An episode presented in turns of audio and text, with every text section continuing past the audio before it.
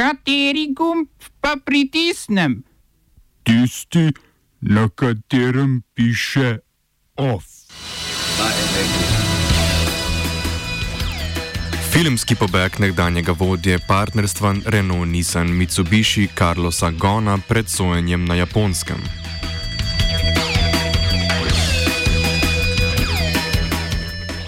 Na predsedniških volitvah v Gvineji Bisao slavil nekdani premijer Sisoko Embalo.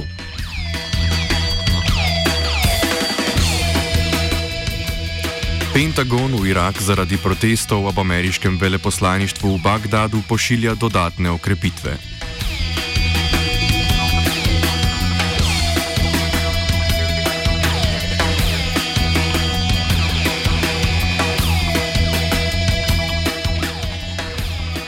Pozdravljeni v prvem OFU leta 2020. Začenjamo v Avstraliji, kjer jim vstopa v novo leto pravzaprav ne bi bilo treba proslavljati z ognjemeti, saj imajo tamkajšnji prebivalci ognja in dima že tako vrh glave. Dobesedno. V obsežnih požarih, ki so prizadeli predvsem vzhodne in jugovzhodne avstralske zvezdne države, je v zadnjih mesecih umrlo več ljudi. Vsaj 100 tisoč pa so jih morali evakuirati, zlasti iz obaljnih mest, pri čemer pomaga tudi vojska. Zaradi travm, ki bi jih menda lahko povzročili dodaten dim v ozračju, je skoraj 300 tisoč ljudi podpisalo peticijo proti tradicionalnemu ognjemetu v Sydneyju, a je predstava, vredna dobre 4 milijone evrov, potekala nemoteno. Tudi sicer so bile avstralske oblasti tarča kritik zaradi počasnega odziva in slabih pogojev, v katerih delajo tamkajšnji gasilci.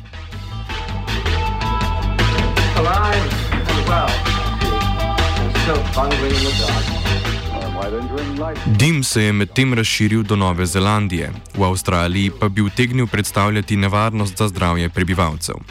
Izmerjen indeks kakovosti zraka v prestolnici Canberra je bil na primer opisan kot 22 krat slabši od predpisanega. Iz Avstralije pa včasih pride tudi kakšna dobra vest za okoljevarstvenike. Zaključujemo z novico, da je Canberra z novim letom postala prvo mesto v Avstraliji, ki uporablja izključno obnovljive energetske vire. Predvsem gre za sončne in veterne elektrarne.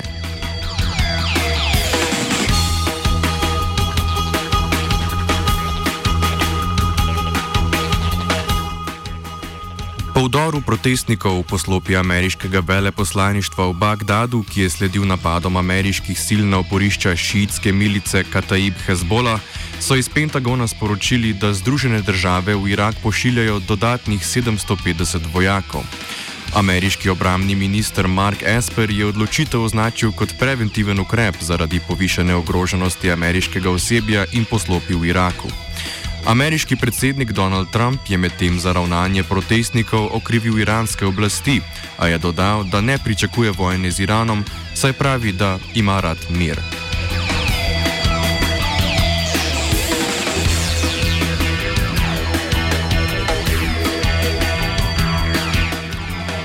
Nekdani vodja partnerstva avtomobilskih proizvajalcev Renault-Nissan Mitsubishi Carlos Ghosn je z Japonske, kjer je čakal na sojenje zaradi obtožb o finančnih zlorabah in prirejanju poslovnih knjig, uspel pobegniti v Libanon. Tam se bo, kot je dejal, izognil nepravičnemu japonskemu sodnemu sistemu. Gon je bil zaradi suma kaznjivih dejanj aretiran novembra 2018 in na to po plačilu varščine izpuščen marca naslednje leto. Zaradi begosumnosti so v Braziliji rojenemu francoskemu poslovnežu libanonskega rodu japonske sodne oblasti oduzele vse tri potne liste. Ob stalnem videonadzoru pa so Gonu tudi močno omejili uporabo telefonske in računalniške tehnologije. Okoliščine njegovega pobega so zaenkrat predmet bolj ali manj zabavnih teorij. Po eni izmed njih, ki jo povzemajo nekateri libanonski mediji in tudi The Guardian, se je gon iz stanovanja pretihotapil v kavčku za glasbila. To ne bi bil gonov prvi primer poskusa imitacije hollywoodskih filmov. Ob izpustitvi iz zapora se je namreč našemil hišnika, da bi se izognil pozornosti novinarjev, takrat z manj uspeha kot sedaj.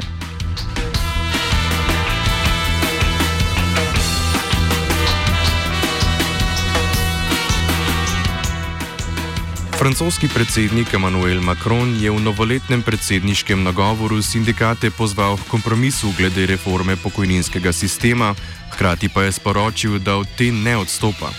Prenova pokojninskega sistema je sprožila eno najbolj ustrajnih stavkovnih in protestniških gibanj v zadnjem desetletju. Macron je označil prenovo sistema za projekt socialne pravičnosti in napredka. Reforma med drugim predvideva daljše delovno obdobje. Upokojili bi se lahko šele pri 64 letih, namesto pri 62. Pokojninska reforma prav tako predvideva odpravo 42 ločenih schem in uvedbo enotnega sistema. Sindikati niso upoštevali vladinega poziva k prekinitvi protestov med prazniki. Nov množičen protest je pričakovati 9. januarja, ko se bodo protestom pridružili tudi učitelji, osebje v bolnišnicah in drugi zaposleni v javnem sektorju.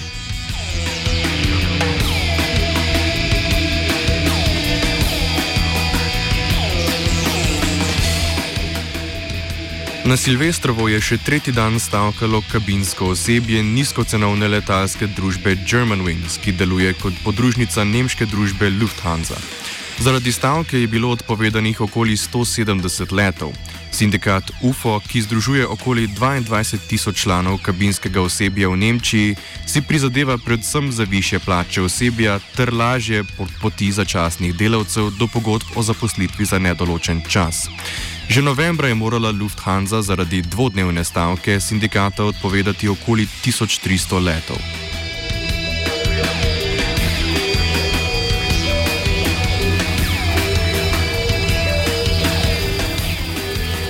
Na predsedniških volitvah v Gvineji Bisao je zmagal nekdanji premijer Sisoko Mbalo. V drugem krogu je premagal kandidata največje parlamentarne stranke PAIGC Domengesa Pereira, ki je v prvem krogu dobil največ glasov. V prvem krogu je kandidiral tudi sedanji predsednik Jose Mario Vanš, a je dosegel šele četrto mesto. V drugem krogu je, tako kot vsi ostali neuspešni kandidati, podprl končnega zmagovalca Embaloja. Ta bo imel v svojem mandatu najverjetneje polne roke dela. Predvsej nestabilen politični sistem v Gvineji Bisao namreč daje vladajoči stranki moč imenovanja ministrov, predsednik pa jih lahko razreši. Odhajajoči predsednik Vaš, ki je v štirih letih predsedovanja zamenjal sedem premijejev, je v svojem zadnjem predsedniškem nagovoru tik pred razglasitvijo rezultatov pozval k spremembi takšnega sistema, v katerem predsednik in parlament nenehno merita svoje moči.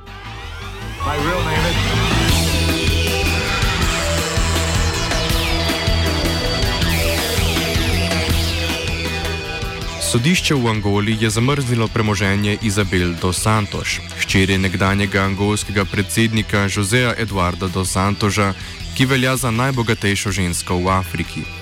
Zamrznjeno premoženje, ki je vredno več kot milijardo evrov, med drugim vključuje tudi četrtinski delež v angolskem monopolnem operaterju mobilnih storitev Unitel in delnice v eni največjih bank v državi.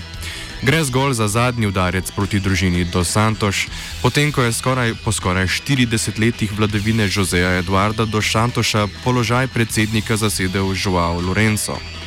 Septembra je bil zaradi kraje v državnem investicijskem skladu aretiran sin nekdanjega predsednika Jose Filomeno Dos Santos, nedavno pa so iz angolske centralne banke sporočili, da bo obraz dolgoletnega voditelja izginil tudi z novih bankovcev. Oba, če, če bom odgovoril na angliški. Uh, uh, Slovenija bo poskušala pomagati. Slovenija bo naredila naš utmost, da bo rekla, da je situacija naš problem, sami. In da bomo naredili nadaljnje korake, as soon as the conditions are. Bomo vlado Marjana Cererja Šarca podprli. Zelo, zelo resno. Slovenija. Vemo, kako in bomo. Z novim letom je stopil v veljavo del zakona o omejevanju uporabe tobačnih in povezanih izdelkov, ki je za njo uvedel enotno embalažo. V skladu z določili zakona bodo morali po novem imeti vsi tobačni izdelki isto temno olivno barvo in že standardne slike z opozorili ter podobami posledic kajenja. S tem Slovenija sledi več ostalim državam, ki so se tudi lotile omejevanja kajenja mlajših kadilcev z uporabo omenjene barve, saj naj bi bila ta po nekaterih raziskavah najbolj odbijajoča. Z današnjim dnem se tako končuje pomankanje tobačnih izdelkov na ljubljanskih benzinskih črpalkah, ki je prizadelo večji del kadilske populacije.